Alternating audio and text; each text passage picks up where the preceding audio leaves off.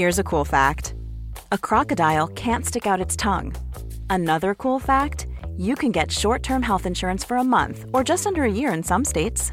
United Healthcare short term insurance plans are designed for people who are between jobs, coming off their parents' plan, or turning a side hustle into a full time gig. Underwritten by Golden Rule Insurance Company, they offer flexible, budget friendly coverage with access to a nationwide network of doctors and hospitals.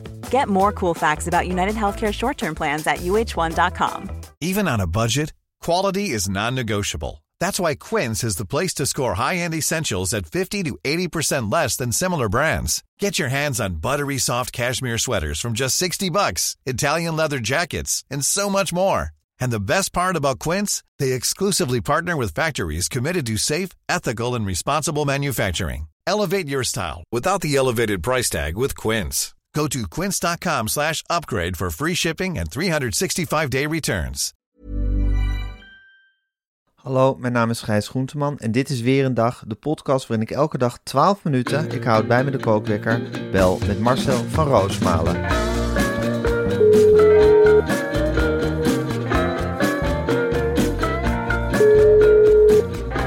Ja, goedemorgen, uh, Gijs. Jezus Marcel, wat is het vroeg? Ja, nou, uh, het voordeel is, uh, ik heb heel slecht geslapen. Ja? Oh, dus je, was, je lag toch al wakker? Nou, ik zat de hele tijd, weet je aan wie ik zat te denken? Nou, ik, he, ik, heb, ik, heb een, ik heb een vermoeden, maar zeg het maar eventjes hardop. Ach man, ik heb de halve nacht aan uh, Joris Luijendijk zitten denken. Het is ongelooflijk. Ik zet even mijn kookwekker hoor Marcel, want we gaan nu praten. Jezus Christus, die, dit was echt, dit was het weekend van Joris Luijendijk. Dit was echt, nou ja, het begon gewoon uh, totaal onverwachts voor mij. Ja. Op zaterdag. Geheel argeloos.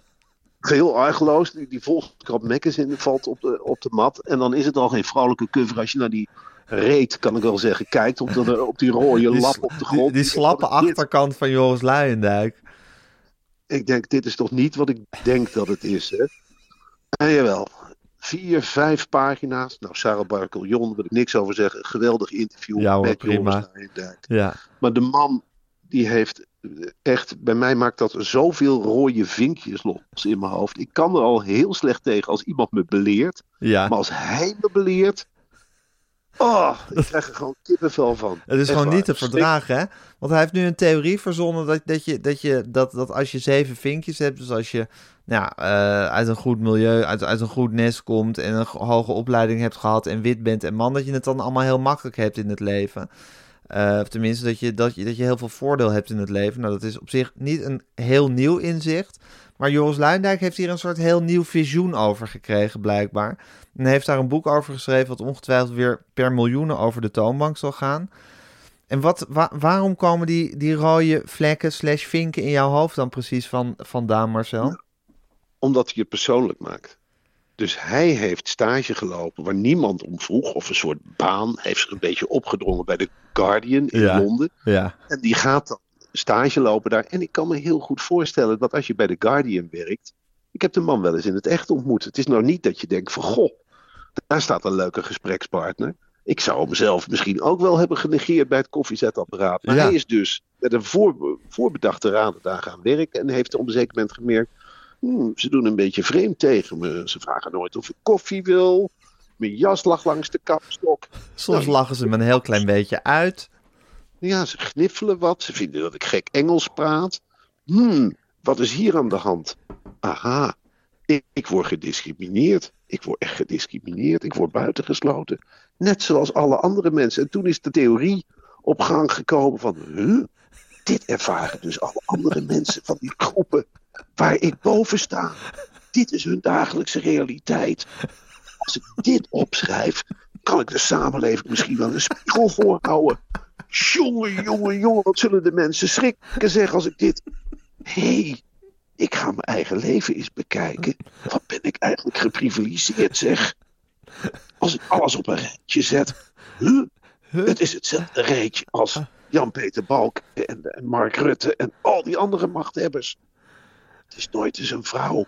Wij zijn het die voor anderen verpesten. Dit ga ik tegen de samenleving vertellen. Laat ik daar nu alvast mee beginnen in mijn lezingscircuit.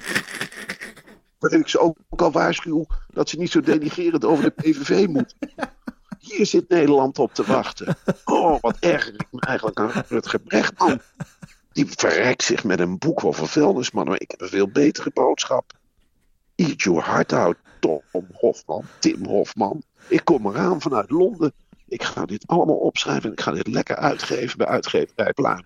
En daarna bel ik met al mijn mediacontact. Dan misbruik ik mijn zeven vinkjes nog maar een keer. Als ik het In godsnaam, voor de goede zaak.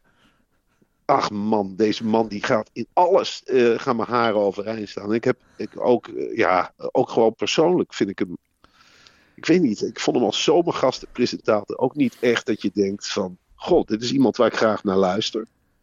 Nee, hij had altijd hetzelfde overhemd aan en zat altijd zo glazig voor zich uit te kijken. En toen hij een keer een hele avond Linda de Mol had geïnterviewd, toen ging hij haar de schuld geven dat ze niet het achterste van de tong had laten zien.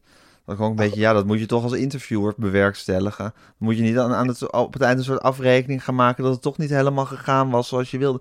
Er zit iets huilerigs in zijn hele, in al zijn theorieën en in de hele manier waarop hij zich presenteert. Ik geloof zijn gekwetstheid niet en ik geloof ook dat hij alles bedenkt. Ik weet nog dat hij bij blad Intermediair, nou toen had Hugo Lochtenberg, die komen een beetje uit dezelfde oesteren, die twee. Ja, Die had hem geïnterviewd. twee parels uit En dezelfde oester. Precies. Ja. En maak er eens een snoer van. Dat is onmogelijk. maar eh, eh, die had hem geïnterviewd en meneer moest op de foto. En dat bleek dus, alle fotografen kwamen radeloos terug, want hij wilde helemaal niet normaal op de foto. Het was zomer, dus buiten schijnt de zon. Maar Ja. Joris Luijendijk kan niet tegen de zon. En dat komt omdat hij dan heel snel bruin wordt. Huh?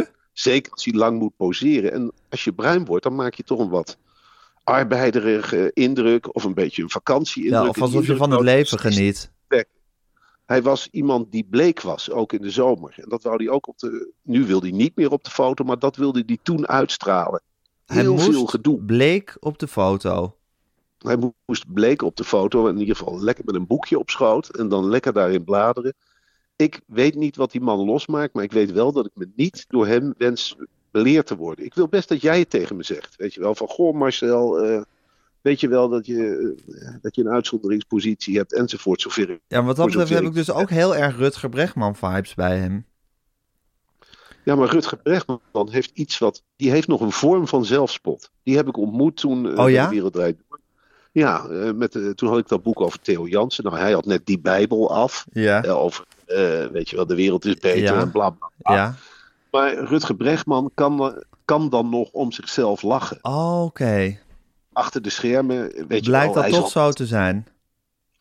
Ik bedoel, hij heeft dat geld van die vuilnismannen, dat miljoen, dat heeft hij echt wel zelf gehouden.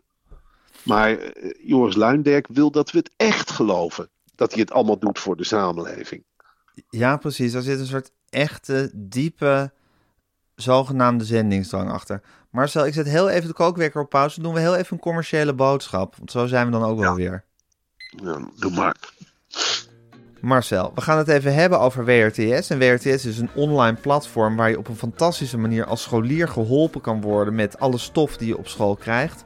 En heb je wel eens gehoord van de learning loop van WRTS? Zeker. Dat is toch het combineren van verschillende leermethodes. Waardoor je je optimaal voorbereidt op het toets. Of heb ik het mis? Nee, dat is helemaal raak zoals je dat zegt, Marcel. Het eerste onderdeel van de learning loop is oefentoetsen en oefenvragen. Die kan je maken om te kijken hoe je ervoor staat en wat je nog moet doen om je toets op school goed te maken. Ze zijn er voor alle schoolvakken en sluiten aan bij je eigen lesmethode die je op school gebruikt. Morgen gaan we het hebben over de uitlegvideo's van docenten. Ja, en als je nog veel meer wil weten, ga dan naar wrts.nl/slash weerendag en ontvang 15% korting op een WRTS-pakket naar keuze. De korting is geldig tot met 20 februari. wrts.nl/slash weerendag. Oké, Marcel, dan zet ik nu de kookwekker weer aan. En we moeten natuurlijk ook nog even. Had, je, had jij het bericht over Mark Overmars nog meegekregen, Marcel? Ja, net. Dat kwam- Ik krijg net Dat kwam gisteravond laat, kwam dat binnen. Nou, een ongelooflijk verhaal. Wel een, wel een klap voor Ajax. Nou ja, hij heeft dus grensoverschrijdende mails gestuurd naar vrouwelijke medewerkers bij Ajax. Ja. En daarmee geconfronteerd heeft hij de conclusie getrokken dat hij niet verder kan. Externe deskundigen erbij gehaald, Edwin van der Sar erbij gehaald. Nou, dan weet je het wel. Ja, Eh, Als Edwin van der. Sar net een slecht nieuwsgesprek kwam. Ik schaam me kapot. Vorige week werd hij geconfronteerd met meldingen over mijn gedrag en hoe dit op anderen is overgekomen.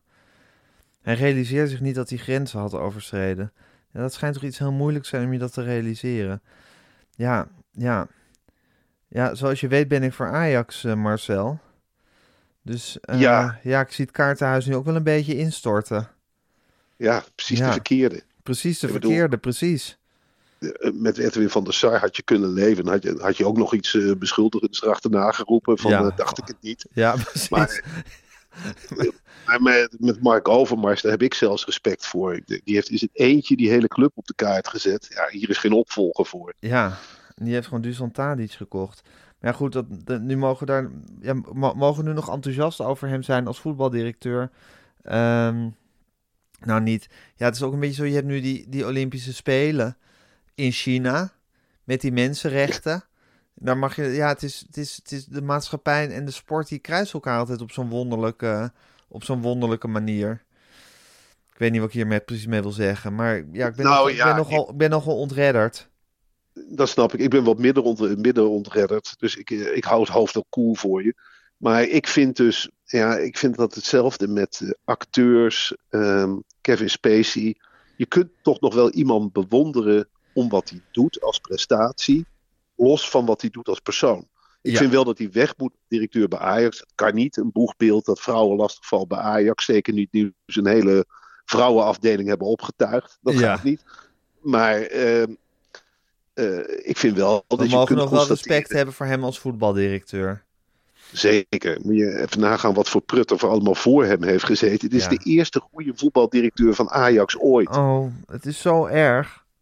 Waarom moet hij nou weer al die, al die berichten sturen? Het is toch ook wel dat je, ja, dat je denkt, jongens, h- hou jezelf nou een klein beetje in de hand. Toch? Ja, ik, we krijgen natuurlijk jammer genoeg niet te weten wat voor berichten er zijn verstuurd. Weet je wel, ik weet ook niet.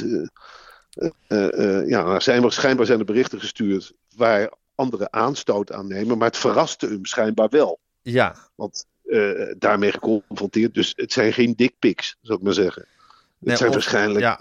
complimentjes die iets te ver gaan. iets te royale complimentjes. hey, en Marcel, nu heb jij heel veel bij Vitesse rondgelopen. Ook achter Ja. de schermen. Hing daar een vrouwvriendelijke sfeer? Bij Vitesse was dit helemaal geen reden om op te stappen, Gijs. Daarom is het ook geen topclub.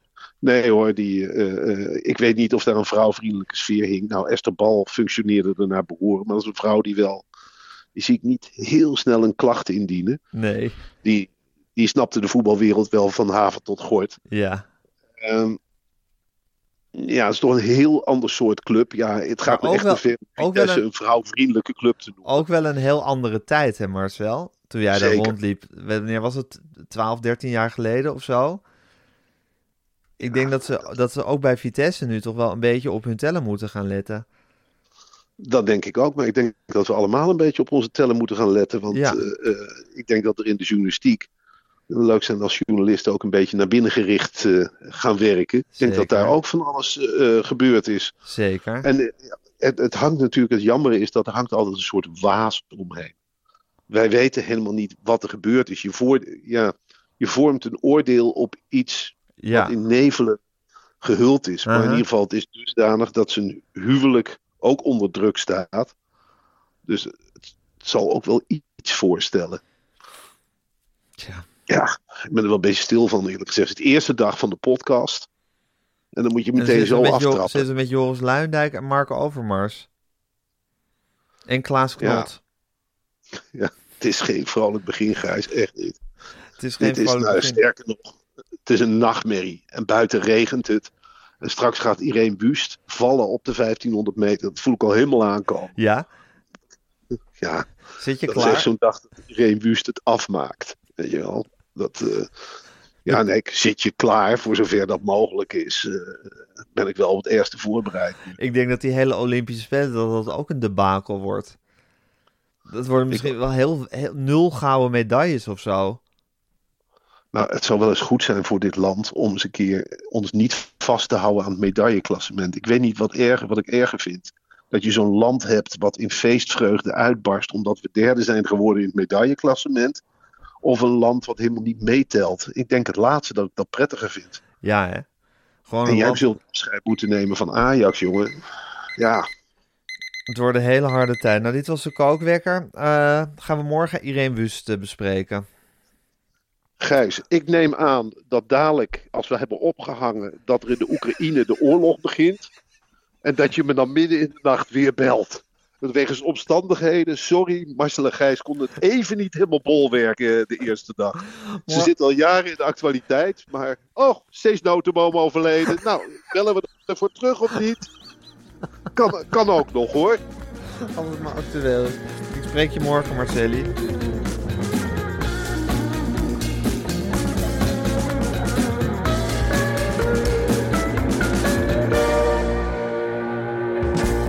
Dit was een podcast van Meer van Dit. Wil je adverteren in deze podcast? Stuur dan een mailtje naar info.meervandit.nl